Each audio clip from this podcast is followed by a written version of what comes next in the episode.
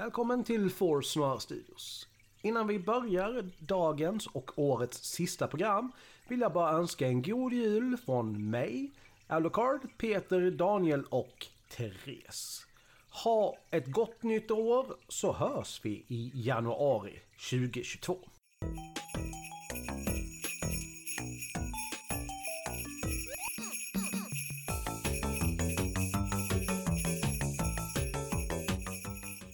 Då säger jag välkommen till Nerd Talks här på Force Noir Studios. Idag så har vi med oss, får man nog säga, den kändaste rollspelskonstruktören i Sverige.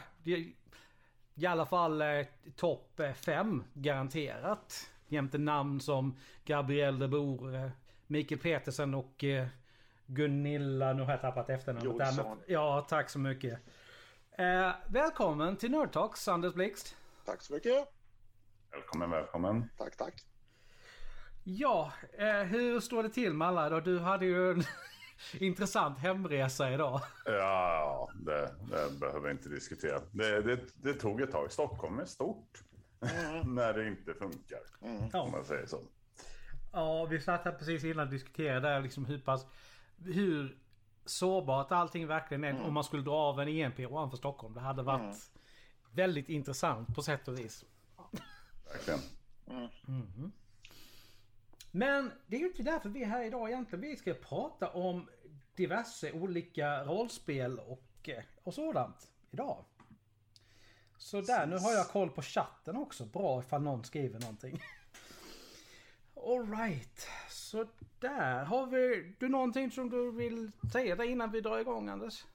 Kul att vara här. Det är alltid kul att snacka gamla minnen om ja, när jag var lika gammal som ni verkar vara. Ja, då ber jag ju så här. Hur gammal tror du att vi är? Ja, någonstans kring 25, mellan 25 och 30. Åh herregud. Det- Nej, du får lägga på var 20 år till. Det var väldigt snällt sagt, Ja, måste jag ändå ja, säga. ja, Det ja. tackar jag för. Ja, tack. Det är verkligen. Vi är Varsågod. 40-plussare, vet du. Ja. Ja, det ser ni inte ut att vara. Alternativt så, så har ni väldigt någon sån här äh, filter på. Nej, Själv inte är jag- Ja, någonting. precis. Nej, själv är jag ju 60-plussare. Så Mm. att, att äh, gammal, gammal, gammal i gården. Gammal är bäst. Eller, Det är väl det man säger, eller hur var det? Ja, ja. Ja. Yes, men då ska vi köra igång då.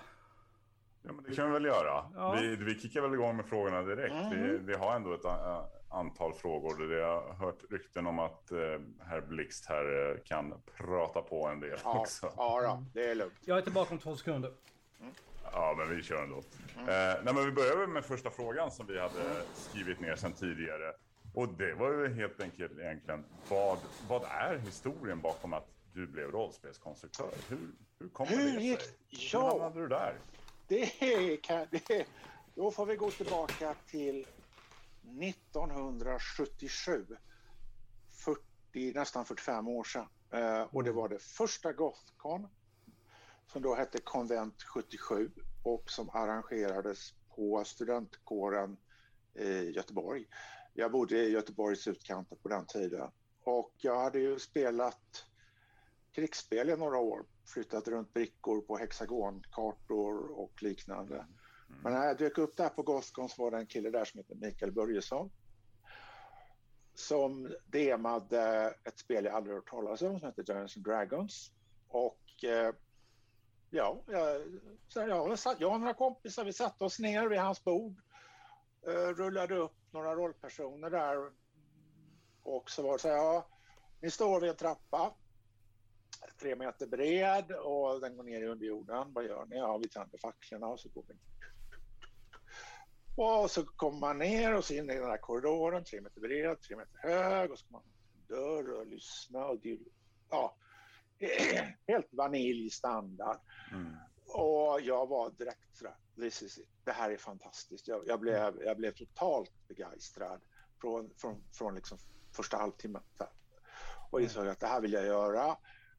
Ehm, så att jag skaffade egna Dungeons Dragons-regler.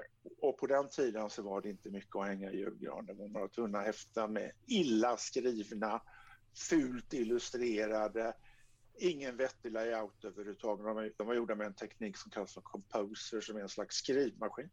Man liksom skriver in sidorna och sen kör man offset-tryck på det. Skitfult. Redan då var det skitfult. Men i alla fall, eh, det var jättekul. Men jag kom på att science fiction är min grej, inte fantasy.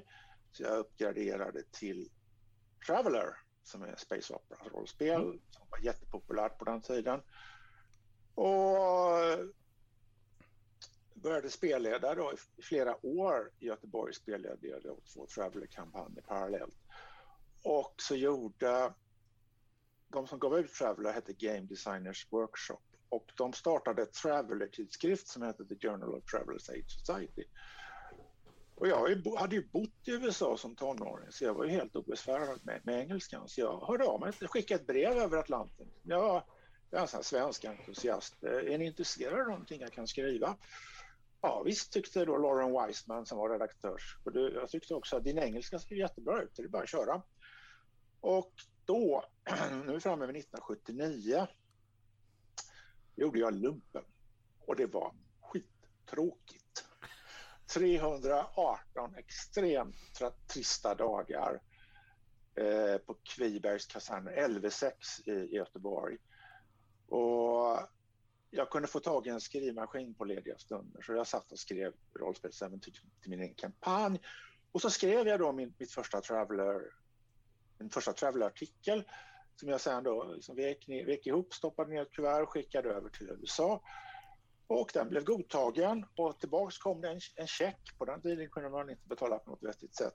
Och den gick inte att lösa in i Sverige. Så nej, vi tar inte sånt här.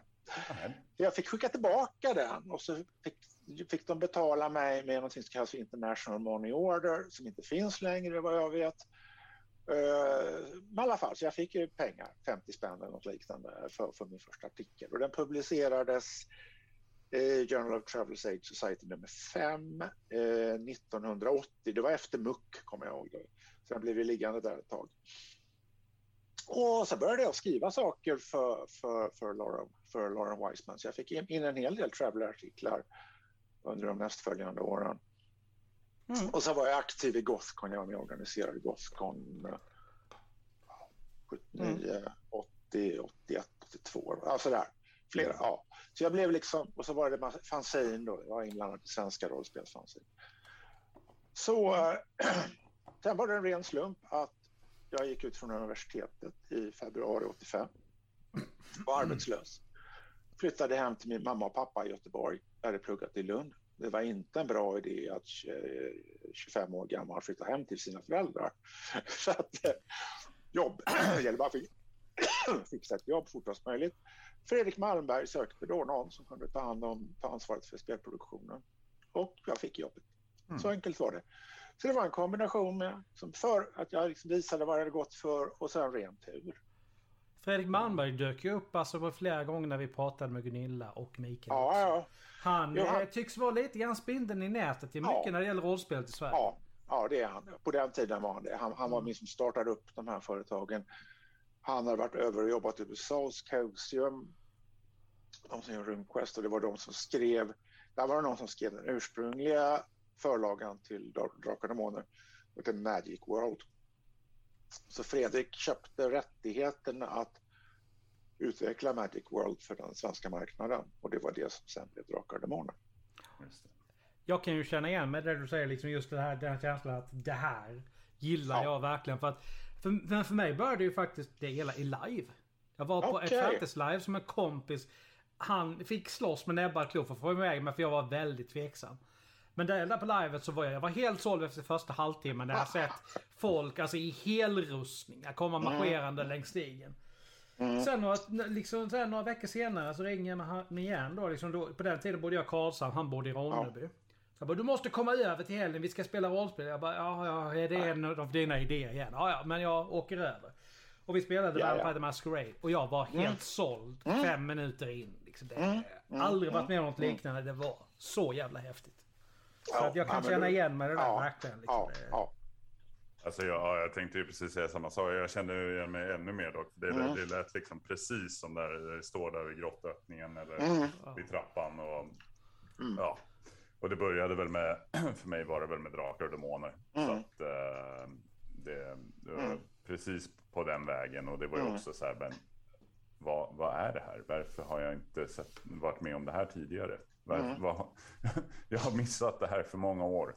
Ja. Mm. Och ta igen det. Nej, Yes. Men så är det ju. Det är när man hittar Ja. hem så hittar man hem.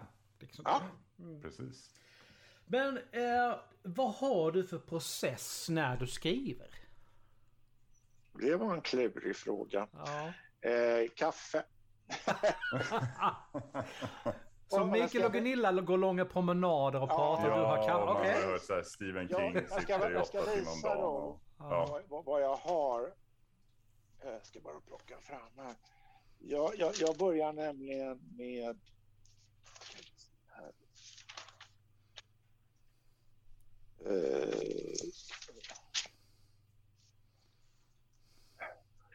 Jag är lite så här föråldrad. Ah, ja, ja, ja, Papper ja. och penna. Mm. Så jag har såna här anteckningsböcker för olika projekt. Och så sitter, ja just precis Mm. så ja. Och så sitter jag där liksom och så skriver och skri- det liksom bara växer fram liksom.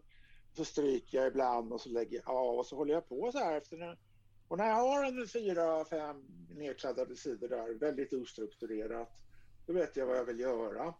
Mm. Och sen skapar jag ett dokument och så går jag och hämtar ännu mera kaffe och så sätter jag mig ner vid datorn och så börjar jag fylla i text. Liksom. Och sen, det växer. Mm. För det blir en slags korsbefruktning in i ena. Ja, men den idén och den idén, ja, men det leder ju dit. Och då kan jag liksom fortsätta så och sen så. Mm. Och plötsligt så har jag, har jag någonting där. Mm. Mm. Och, och, och jag, det är väldigt svårt att förklara. Det liksom bara händer inne i huvudet. Och ibland får jag någon sån här idé om en, om en setting. Om vi gör så här. Jag håller på och jobbar med en, en, en, en, en till chock nu håller jag på och skriver en, Mm. en, en Fenix-artikel som heter Stunde Null. Ah. Det, det är en kampanj som ska utspela sig i Tyskland precis efter andra världskrigets slut, bland ruinerna. Och om jag, om jag liksom tittar efter så är jag, vet inte om ni känner till filmen Tredje mannen? Jo då. Ja, Nej, precis. men ja. Ja. Sorry. Det är, liksom, det är liksom, ta Tredje mannen och så gör du chock av det. Okej. Ja, Mm. precis. Det var där någonstans. Alltså, boom, boom, boom. Så blev det så här. Mm. Ja, nu vet jag vad jag ska göra. Och så kombinerar jag ihop det med chockberedskapstid. Och så det blir svenska äventyrare. Det går inte att köra. Alltså, så, och det blir så här tredje mannen-stämning och det blir ond tysk vetenskap. Det blir massa sådana här klichéer, liksom galna tyska vetenskapsmän och liksom monster i ruinerna och annat. Så här, buff, buff. Och det bara liksom exploderar huvudet på mig. så här, Buff, eller inte exploderar, fyrverkeri. Buff, buff, buff, buff. Sen är jag ju tvungen att stryka en del för det blir för... Så, nej, det här funkar inte. Men skulle du säga att det är miljöerna eller karaktärerna som oftast kommer först? Miljöerna, definitivt. Alltså, det, och det ska vara det här, jag ska ofta känna att det här har ingen gjort förut. Och jag kan liksom inte komma på någon som har gjort tredje mannen som alltså, efterkrigsroll. Nej. Det närmaste jag vet, det, det finns en roman som heter Declare av Tim Powers. Det är en, skräck, en, en, en rätt intelligent skräckroman som delvis utspelar sig i Berlin precis efter Tysklands kapitulation. Och sen utspelar det- det- den utspelar sig under en, ungefär 15 års period på många olika ställen i världen. Men det är lite, ja, men den är, den är väldigt spacad. Men, men Powers är bra. Så, mm. Mm. Men det är just där, jag vill göra något som inte har gjorts förut. Ja, Men det är väl egentligen en strävan som alla skriver egentligen. Ja. Försöker nå liksom att man vill skapa något originellt. Så är det. Mm, mm, mm, sen det är liksom intressanta karaktärer eller miljöer eller händelser som Mm. aldrig har gjort. Det är väl kanske egentligen inte lika viktigt men någonstans så vill man ju uppnå något originellt. Ja, ja, precis. Hur, hur, hur gör du när du skriver äventyr och så för Alucard? När jag, när jag skriver äventyr och så, Ja. ja, uff, herregud. Jag, jag, jag brukar ju, ja, jag tror inte jag är lika originell. Det är ju snarare i sånt fall att man tar, att man tar historien från någonting som man vill Mm. mm. säga till exempel. Mm. Alltså jag, eh, vi spelar i en eh, science fiction-värld Mm. Men jag bara får liksom, jag måste få känslan från uh, The Last of the Mohicans. Ja, ja. Mm. Och, det, och, liksom, och så blir det på den mm. vägen. Mm. Så jag blandar mm. ihop det här. Och ofta, mm. Ofta kan det blandas från snarare så att, ja, in, inte ett eh, rent mm. verk utan snarare en mix av, ja men mm. jag vill ha den här känslan härifrån och den här känslan härifrån och, och mixa ihop dem. Det är väl lite så kanske ändå, men, men jag är inte, inte lika jag kände att jag var, jag var mer originell när jag var yngre. Nu, nu jag har tappat det. Men du, du, vill liksom, du, du är mer ute efter att få fram känslan än någonting mm, annat. Liksom. Precis, ja, men jag är ju, jag är, exakt, jag vill ju antingen säga men det ska vara känslan av skräck mm. eller det ska vara känslan av mm. romantik mm. eller och det där är ju mm. någonting sånt som jag, det där är någonting sånt jag har klurat på många gånger. Hur mm. får man in romantik i ett rollspel. Ja. Eh, den, den, är svår. För, det, ja, den är ja. riktigt svår. Men det känns som att så här, all, alla de stora sagorna och berättelserna, ja. där finns det kärlek och romantik mm. Men den, mm. den, är väldigt obefintlig när man ska ut och äventyra och döda mm. drakar och demoner. Ja, ja, ja. ja, Det, den, den är någonting jag har kämpat med många gånger. Men det, det, misslyckats oftast. I, i, I, mitt spelgäng är det ju så att då får ju liksom spelarna skapa tappar det under äventyrens gång. Och det, det har ju hänt eh, några gånger. Vi hade en, vi hade en lång kampanj på, Victoria, på så här, Space 1889, så här, Jules Verne science fiction på Mars med kanaler och Mars. Och så var det, det, var det liksom svenska och engelska äventyrare där och så blev det en, en romans mellan den svenske, vad var han nu var, kapten Nordenskjöld och någon, någon brittisk lady och, och, det slutade då med att de gifte sig eh, och sådär. Ja, det var så rart. Mm. Alltså jag rollspelar ju en del i, alltså i World of Warcraft också. Det, mm. Du får ju en visuell grej i en, mm. i en liksom redan ordent, ordentligt etablerad setting mm. där. Att det, det är ganska kul. Men jag finner ju att oftast ska du ha mer romantik så ska du nästan ha bestämt det med den andra personen innan men att mm. det får utveckla sig efter att nej men vi vill båda mm. att det ska finnas där. Mm. För att, mm. Mm. att låta det utvecklas naturligt kan annars bli väldigt krystat i ett mm. rollspel. Speciellt, men vi ska inte sticka under att det är en väldigt mansdominerad hobby ja. det här. Och speciellt då liksom om mellan alltså, två killar i tonåren det blir väldigt kryssat. Det blir väldigt ja, konstigt ja, när de... Ja, speciellt det, när man i, i den åldern försöker hitta sin egen sexuella identitet någonstans. Så blir det ju väldigt eh, knasigt att låta det växa fram naturligt.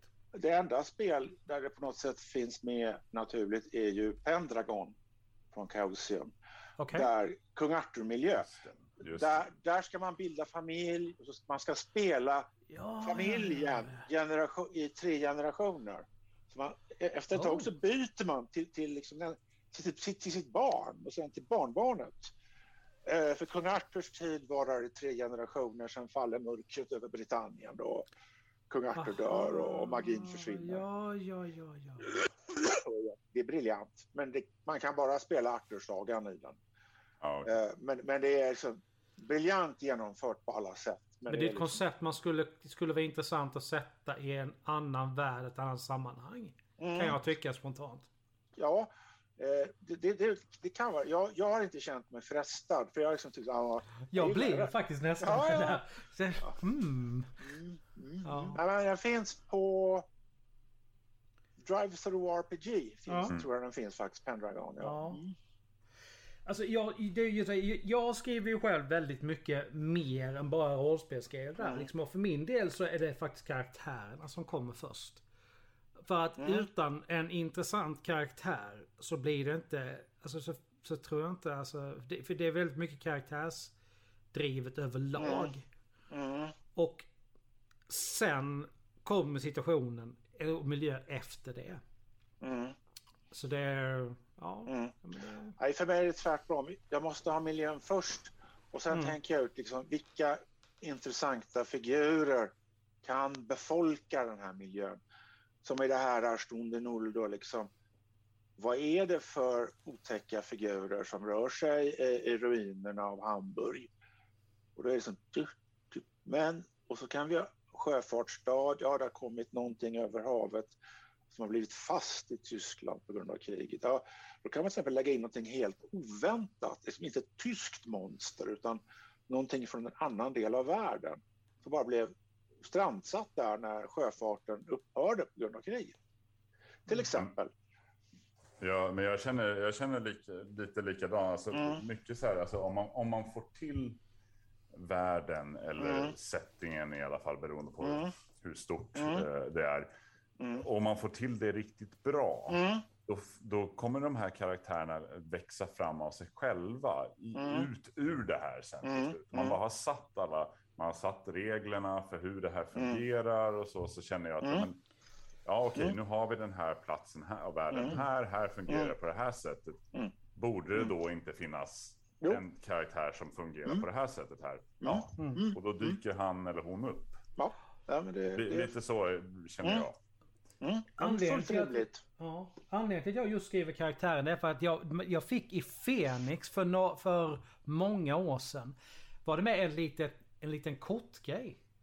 Så här, mm. du, du har antagonisten, du har protagonisten, du har eh, Joker. Alltså du har så här Alltså en massa mm. olika grejer. Och jag började skriva ut efter den och insåg ganska snabbt att med de arketyperna mm. så kan du egentligen placera in dem var som helst. Mm. Bara anpassa dem lite grann mm. efter sen miljön. Mm. Och därför tror jag det blir lättare för mig att sätta in miljön efteråt när jag väl har hittat Mm, för, för jag menar, det, alltså, oavsett vad du skriver. Två mm. stycken saker som finns. Du har antagonisten och protagonisten. Sen kan det mm. vara flera men de två finns alltid mm. med. Oavsett hur du bygger mm. upp det. Mm. För att annars mm. finns inte konflikten. Och utan ja. konflikten så blir det inte intressant. Mm. Jag förstår precis. Själv så behöver jag dessutom ett, vad jag kan kalla för fokus. Det är någonting som drar antagonisten och protagonisten mot varandra. De möts liksom där. Det kan vara om man tar vilda västern så kan det ju vara mm. bankrånet. Alltså pengarna ja. från bankrånet som alla ville ha tag i. Ja. Mm. Och det var precis det det kortspelet och ja. den här kortgrejen då beskrevs som resan. Mm. Det är mm. alltså det, nej men det, det är... Mm. Ja nej mm. men det... Yes, ska vi, vi får... Uh, mm. Vi har ju begränsad tid. Vi hoppar, hoppar vidare, vi hoppar vidare i frågan. Ja, ja, vi gör så. Uh, är det din eller min tur? Jag har tappat. Ja, det, det Alexander, det är din tur. Okej, okay, tack. Det låter som att ha koll på oss. Bra. Ja. Vad av allt det du skrivit är du mest stolt eh, slash nöjd med? Ja, alltså. Jag är ju Tolkien-fan kan jag ju säga. Jag kan ju visa här liksom för åskådarna att ovanför mitt huvud där bokhyllan, det är Tolkien på, på ja. fyra språk. Eh, och på 90-talet så var jag med och tog fram produkter till MERP, Middle Earth Role Playing, som Iron Crown gav ut. De är borta sedan länge och, och så. Och det var jag och så var det en amerikansk eh, litteraturvetare som heter Chris Seaman som jobbade ihop. Och det, här, vad ska jag säga, det här var det precis när internet började, e-post kom igång. Så vi började, det var så här, vi kunde samarbeta för att vi hade liksom första generationens e-post och kunde skicka saker snabbt fram och tillbaka över Atlanten. Och det var rena text, det var bara textfiler. Eh, och där gjorde vi en som hette The Kinstrife. Och det här får jag förklara. Folk som har känner till Tolkien och vet det här med Ringens krig och Sauron och liknande. Men om man går mhm. tillbaka ungefär 1500, ja, 1600 år tidigare så, så var liksom Sauron höll på, var göm, hade gömt sig, ingen visste var han fanns. De flesta trodde att han var borta. Det fanns massa andra problem istället. Och Gondor var mycket större och mäktigare. Och så drabbades det av ett inbördeskrig. Det var tronföljd det handlade om. Det kallas för The King's Eh, Ättefejden på svenska. Eh, det var två prinsar som ansåg sig båda ha rätt till tronen. Och eftersom det är Tolkiens värld så hade den ena rätt och den andra hade fel. Eh, först vinner den som har fel och, och, efter tio år så är han så impopulär så han blir störtad av den andra. Ja. Och jag och Chris och massa andra svenskar, mina kompisar, så här, vi skrev då en, en jättetjock eh, kampanjmodell som hette The Strife och som utspelar sig då i Gondors stora städer. Och det är, man, man, det är en slags agentverksamhet i Midgård. Man, man, liksom, man kämpar för den rätte kungen som är i exil mot usurpatorn Kastamir och hans hemliga polis. Ja, alltså, redan romarna hade hemlig polis så det är inget konstigt om det fanns något i Gondor. Så, så. Sorry, jag behövde... Appen för Twitch funkar inte så jag var tvungen att ta upp det i, eh, på telefonen i... Bara så Ah, jag ja. kan ha någon typ av koll på, på chatt och så vidare. Och Ja, ja. Funkar inspelningen då? Ja då, det, det funkar alldeles utmärkt. Nej, men alltså det som... Det som är så typiskt med appen, den har problem med att återansluta till chatten ibland. Och jag, jag vill ju gärna se den ifall någon skriver liksom. För att Ja, jag, ja. jag vet att vi har folk som tittar men det, det är inte lätt att svara på eller låta dem komma med frågor ifall man inte ser chatten. Nej, det förstår jag. Mm. Eh, I alla fall, Chris och jag blev oerhört nöjda med, med den där. Han, han tog på sig liksom det akademiska, som han kunde liksom skriva om kultur och tänkesätt och hur den där typen av monarkier fungerade. Och jag kunde smida massa dolska planer och det var, det var liksom inte bara det här inbördeskriget. Gondor hade fler fiender, häxmästaren i Angmar till exempel höll på på sin och så, ja, det blev väldigt komplicerat och, och det var så häftigt. Och, och, och det, det är faktiskt en, nu har det gått 25 år sedan vi gjorde det där. Eller 20, mer än 25 år sedan. Jag satt och skrev det där, ja, det är mer än 20, nästan 30 år sedan. Och folk pratar fortfarande om den här modulen som har varit out of print i över 20 år. Det är liksom helt otroligt. Eh, och där var bara, Chris och jag hittade någon slags perfect storm eller vad vi ska kalla det för. Perfect wave menar jag, som när man surfar liksom. Ja, ja, Vi var på den perfekta vågen där och var bara... Ooh. Mm. Och så blev det bra. Ja, ja men när man har flyt så har man flyt. Det ja är- precis. precis. Eh, och det har jag aldrig, jag har aldrig kunnat återupp, upprepa det där uh, flow-känslan som jag hade där. Tyvärr, det är så här once in a lifetime experience. Jag har haft mycket kul och mycket givande. Men det där var unikt. Wow. Mm. Mm. Mm. Har du Det någon blir man ju sån? sugen på. Ja. Verkligen. Jag satt upp så där bara hur fan får jag tag på den? Och så säger du att den är out of print. Det är så här, Fan! 20 år. Ebay. Ja, Ebay. man får kolla den. Vad Ja. hette den sa du? För jag vill faktiskt kolla. Eh, The Kin Strife. Vet du vad, Vi tar det i chatten sen så att jag ska Ja, ja, rätt stavat. jag, Eh, jag, jag googlade fram det för att ha det Okej. till, eh, komma ihåg det till Ja. sen. Ja, ja. När vi skriver lite länkar och sånt. Mm. Eh, har du någonting sådär som du, som du, något äventyr eller något du har skrivit Algo som du är så riktigt nöjd med? Oj, herregud. Det är ju säkert någonting som aldrig har spelats. ja men det där känner man ju igen. Ja men det är, alltså det är ju tyvärr så. Jag har, vi, mina spelgrupper har ju tappat det ganska mycket med, med åren. Det, det hängde liksom inte med när vi Mm. gick eh, bort från tonåren eller när man var 20-25 års ålder. Mm. Liksom så här, det, när, när folk började skaffa familj och barn då, då Mm. ramlade rollspelen bort helt enkelt. Så Mm. det, däremot så har jag, slutade jag ju inte skriva. Eh, för det. Så det blir helt enkelt bara att det, det samlar bara på hög. Mm. Så att nå, någon gång Mm. någon, någon gång i tiden så... Jag vet, jag vet inte exakt på, på rak arm faktiskt. Mm. Eh, kommer jag knappt ihåg. Måste gå igenom de, de gamla eh, delarna. Jag bör- började på någonting eh, som jag aldrig hann så pass... Alltså jag tror vi hann spela det en gång för flera år sedan. Det var någonting som var ganska inspirerat av en av mina liksom, barndomsidoler, Terry Brooks och Shannara-världen och sådär. Eh, jag höll på på någon, sån, någon form av liksom, science fantasy-värld. Mm, mm, mm, Eh, mm. Men jag, jag vet att jag har skrivit otroligt mycket mer på den i alla fall än vad jag någonsin har Mm. spelat. Så att, men jag har aldrig skrivit klart någonting heller. Så Mm. får se, kanske tar upp det någon gång igen. Ja. Mm. Själv då, Alex? Alltså jag är ju så här, jag är så här väldigt, två grejer som kommer liksom till, till mig en gång. Det är liksom, dels är det en av de berättelser som jag har skrivit alltså direkt för podcasten. Skogsdungen som, vad var det, 29 april 2020. Just det. Jag, jag har varit, alltså alla som har lyssnat på den har liksom så väldigt mycket. Jag har lyckats fånga någonting där tycker de som. Och jag är väldigt nöjd med den själv. Den är kort. Men det finns, alltså det, alltså, alltså det känns så konstigt att säga sånt här själv när, när man har skrivit det. Men känn, jag tycker själv att känslan finns där någonstans redan från Mm. början. Och sen likadant är jag ju väldigt nöjd med de här Diablo Story som vi gjorde ett tag. Eh, innan vi la ner dem med tanke på hela shitstormen med, eh, med Blizzard eh, Activision. Så ville vi ju liksom inte, då kändes det inte rätt att fortsätta göra dem. Men jag är väldigt nöjd med dem. Dels alltså hur...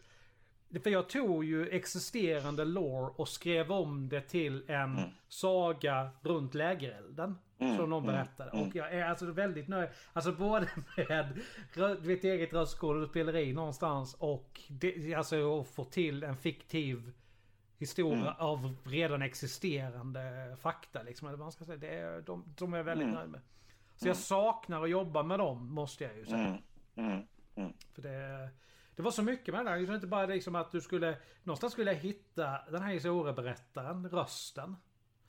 Sen ska du lägga på effekter och grejer efteråt så att det, det känns som att du sitter där kring läger eller så där. det, Nej, jag den... Den ligger mig väldigt varmt om hjärtat.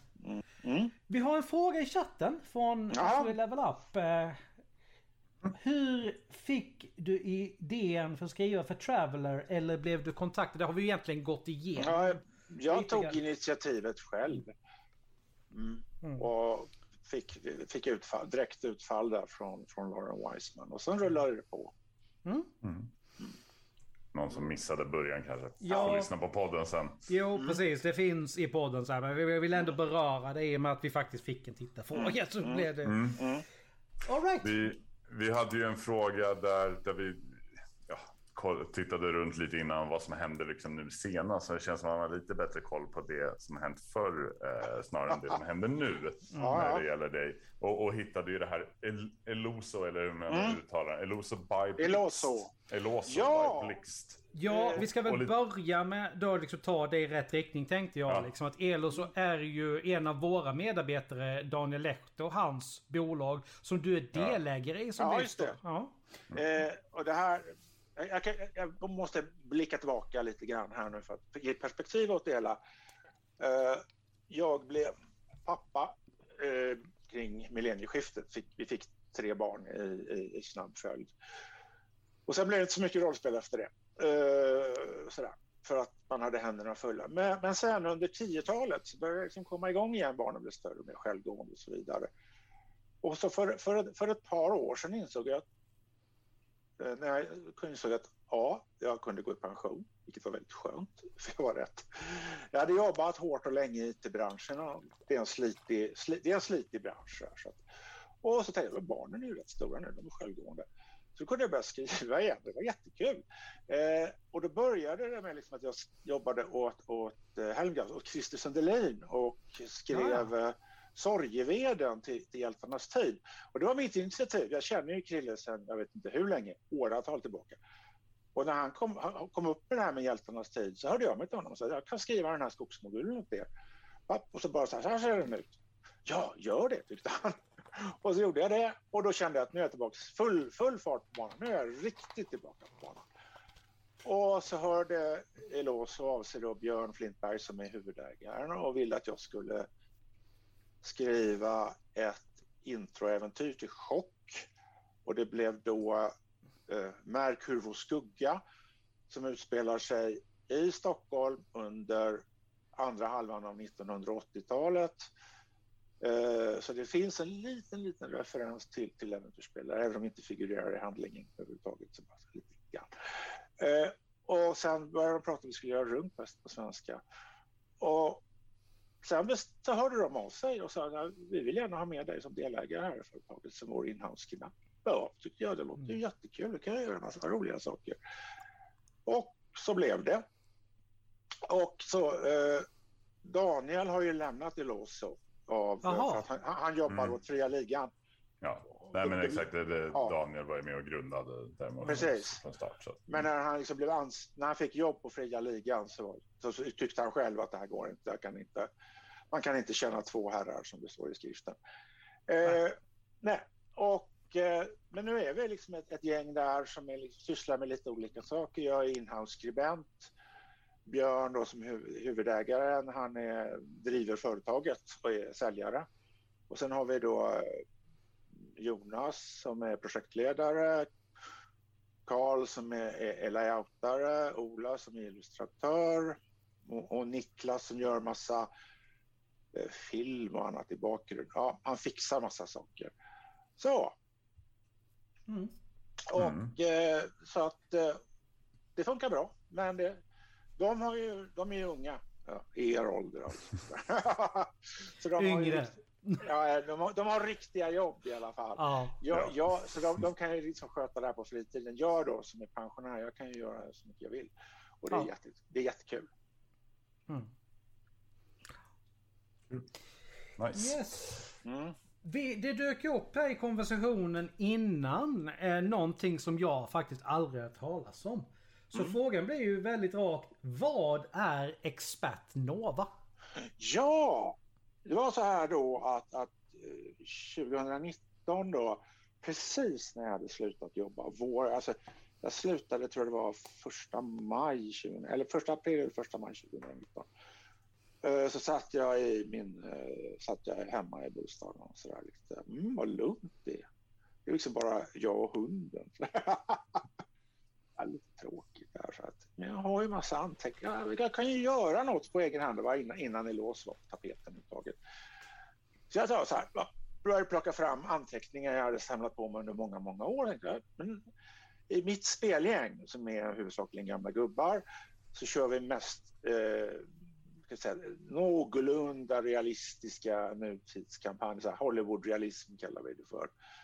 Eh, och eh, vi har vårt eget BRP-system där och så, och så tänkte jag mm, det är lite, lite, lite, för komplicerat för min smak. Men eftersom alla andra, eftersom vi liksom har kört det där i 30 år, så 35 år så är det okej. Okay. Jag tänkte, kan jag göra mitt eget nu? Nu har jag liksom chansen här. Det är verkligen det här äh, finslipade BRP-systemet. Jag har ju spelat BRP sedan 1980. RuneQuest först, sen Call of Cthulhu. Tänk så här. Och sen jobbat professionellt med det i jag vet inte hur många år. Men nu kan jag liksom samla ihop allting. Och då gjorde jag så här, ja, här är en regelmotor för nutidskampanjer. Så här, från 1880 till 2040 så här, skrev jag då.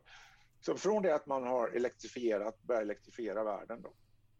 särskilt steampunk och liknande genom hela 1900-talet, så bit in i nära framtiden, de första expeditionerna till Mars kan man tänka sig. Och så är det liksom, det här är bara regler och så, så kan man då bygga om det här hur lätt som helst till vilken kampanj man vill. Man kan göra det mer eller mindre cineastiskt. Det finns regler för liksom hur man ska vara ballhjälte. Det finns regler för lite mer gritty saker också, polisarbete.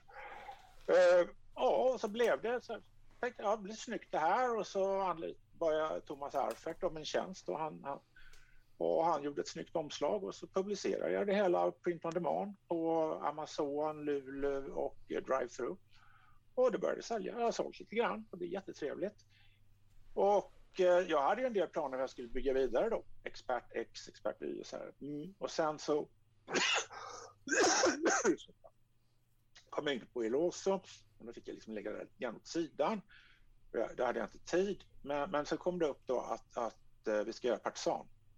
Så nu blir det expert partisan ska jag skriva nästa år. Då har partisan, expertreglerna, gör om till partisan Sverige 1982 ockuperat av Sovjetunionen och DDR, då Warszawapakten. Så. Och så har jag andra idéer för expertgrejer som jag vill göra. Mm. Men alltså, ifall så, det... Och det här är alltså Eloso by Blixt. Det är liksom ja. inom Eloso är det här min lilla nisch. Det är alltså spel som är indiestuk på det hela. Det är alltså väldigt enkel produktion, svartvit inlaga. Eh, så här, det, ska, det, ska liksom se, det, ska se det ska se ut som bra indieprodukter.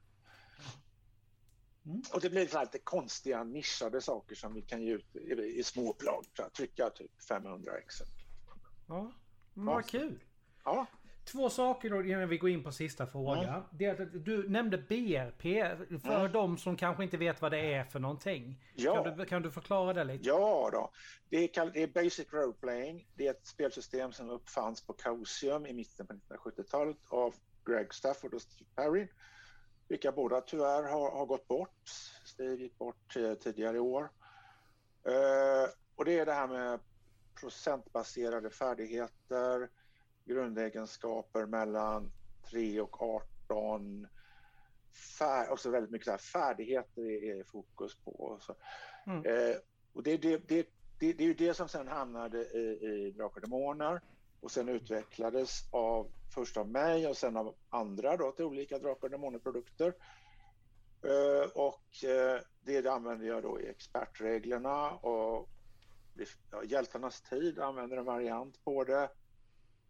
Ja, ja, ja. Mm. Det, det, är liksom, det har blivit, I Sverige har det blivit någon slags inofficiell the Swedish way. Så här gör vi i Sverige. Vi spelar mm. med BRP och procent och ja. slår, slår lågt. I mm. USA så är det slå högt och lägg på en bonus så kommer du upp till ett visst svårighetsgrad. Ja. Mm. Vi har en fråga till från chatten här. Hur gör man ett riktigt bra karaktärsblad eller är alla stöpta i samma mall egentligen? Jag skulle vilja tro att alla är stöpta i samma mall för det är ungefär samma information som ska med. Mm. Grundegenskaper, färdighetslista, vapen, utrustning ja, kan man ha på baksidan. Mm. Uh, så här, grafisk formgivning är inte mitt bord. Uh, till expert Nova så skulle jag då göra uh, rollformulär som man kan tanka ner gratis, då, där, pdf-er. Mm. Och så gjorde jag min, liksom, så här tänkte jag att det skulle se ut då, och så visade jag det för någon kompis som var liksom kunnig, mer kunnig än jag på det där. Han tyckte, nej men Anders, det här ser ju bara tråkigt ut. Låt mig, låt, ja precis. Och, och, så låt mig justera det hela. Ja, så gjorde han det. Ja, det blev mycket bättre.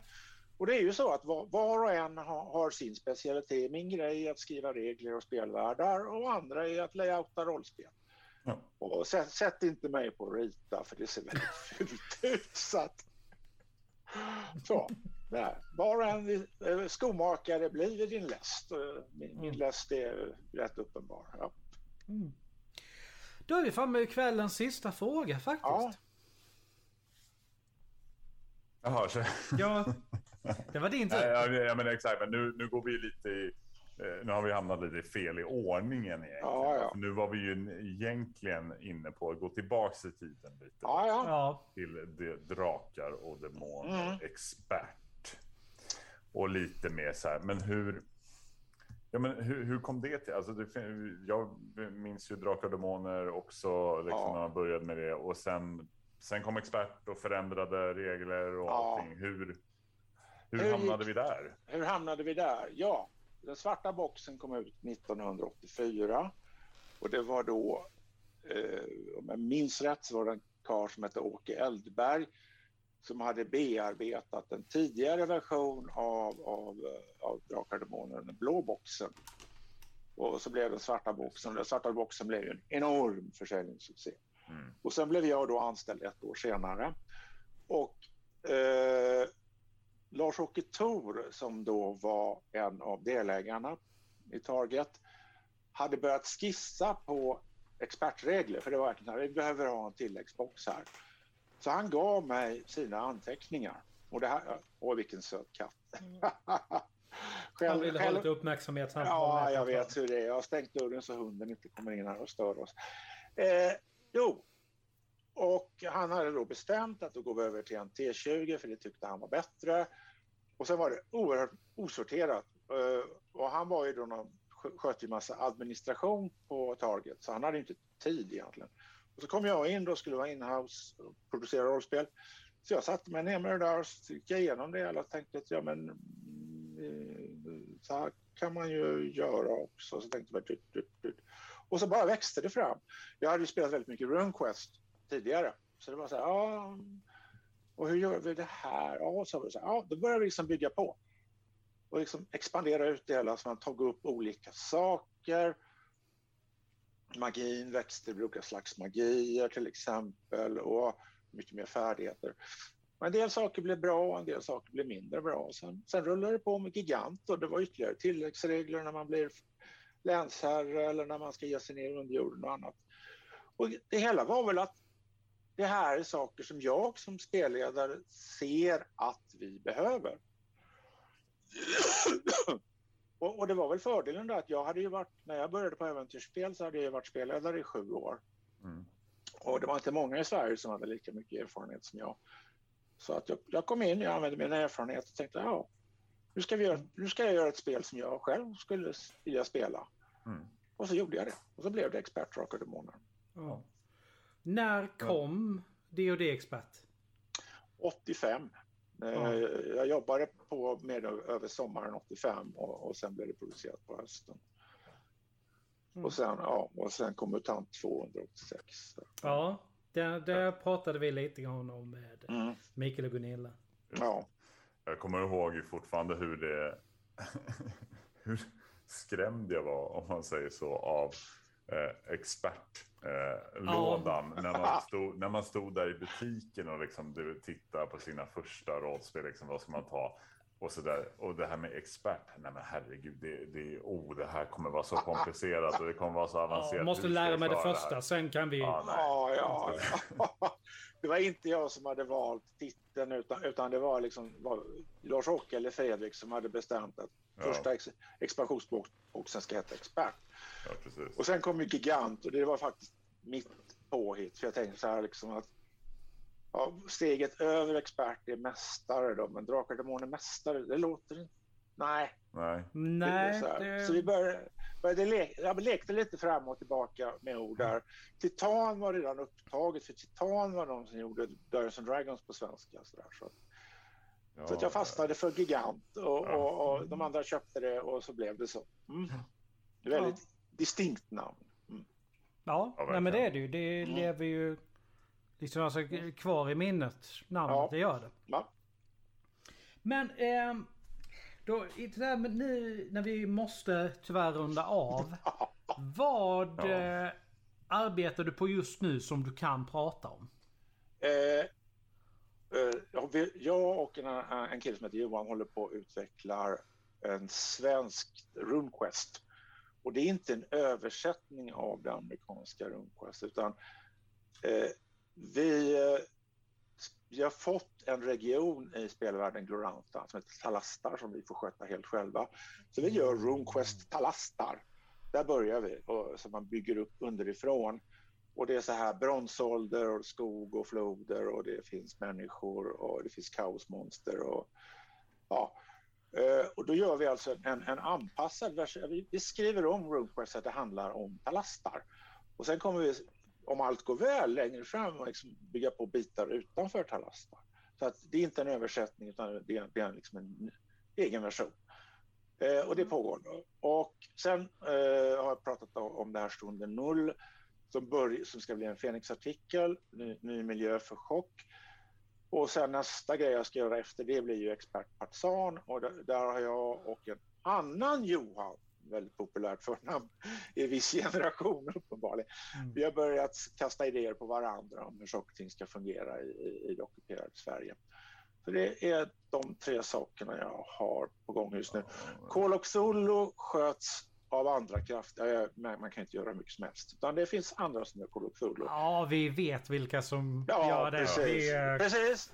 Och to each his own. Eh, jag gillar chock, andra, eh, andra gillar Call of Cthulhu. Så. Ja. Mm. Mm. Ja, det är många, många järn i elden ändå. Ja, ja. Du håller dig rätt aktiv måste man ändå säga. Ja, alltså jag kan inte sitta Spännande här. grejer. Ja, jag, så det, det, det, var ju det jag insåg när jag hade, gått, jag hade slutat jobba för IT-branschen där. Liksom, att jag mm. måste ju hålla mig igång. Så där, liksom. Måste göra ja. kul saker också. Ja, och kul är det. Ja det är väl ett fantastiskt sätt att avsluta karriären på, liksom, att, att liksom återigen bli spelkonstruktör. Det känns så jäkla bra så det är inte klokt. Mm. Chatten de tackar dig för allt Anders. Vi har haft Tack fantastiskt... Det är alltid skönt att bli uppskattad. Tack ska ni ha för det. Vi har haft fantastiskt roligt genom åren. Vi kommer tacka dig också, så ja. inte bara chatt. Just eh, eh, eh, ska vi se, of Cthulhu är någonting som vi kommer återkomma till i podcasten. Ja. Ganska säkert med vår nästa gäst. Så... Eh, ja, mm. Ja, det kommer bli svårt att, att, inte nämna det när vi eh, pratar med den personen. Mm. Så är det. Nej, jag tror jag vet vem det är. Ja, Mm. det... Den personen vet vem du är. Jag vill inte säga han eller hon just därför. Hålla på den karamellen lite Ja, grann. ja, precis. Men det kommer, ni kommer att ha det jättetrevligt, det kan jag Mm. lova er. Det tror jag nog också. Okej. Tack så mycket Anders för att du var med oss i detta Nerd. Talks. Vi är Verkligen ju, stort tack. Ja, vi Det är var ju just... riktigt kul att höra på. Ja, verkligen. sant nöje att prata gamla minnen. Ja. Det Vi eh, säger som vi brukar göra här på Nerd Talks. Hoppas att ni har haft trevligt med oss tre här nu. Den här timmen nästan. Och eh, vi återkommer. Vi försöker ju sända alla Nerd Talks eh, live här på Twitch. Och sen kommer det som podcast senare. Ha det bra, ta hand om er så hörs vi snart igen. Ha det fint alla.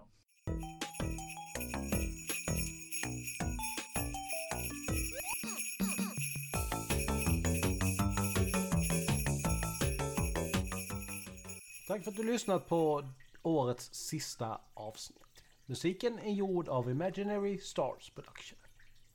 Följ oss gärna på sociala medier. Vi finns på Facebook, Forsona Studios, Twitter, at Studios Noir, Instagram, Forsona Studios och där Forsona Studios skrivet som ett ord. Vi skulle uppskatta om ni gillade våra inlägg på Facebook, Twitter och Instagram för det hjälper oss väldigt mycket och ger oss motivation i allt vi gör. Vi har även en mail, forsnastudios@gmail.com.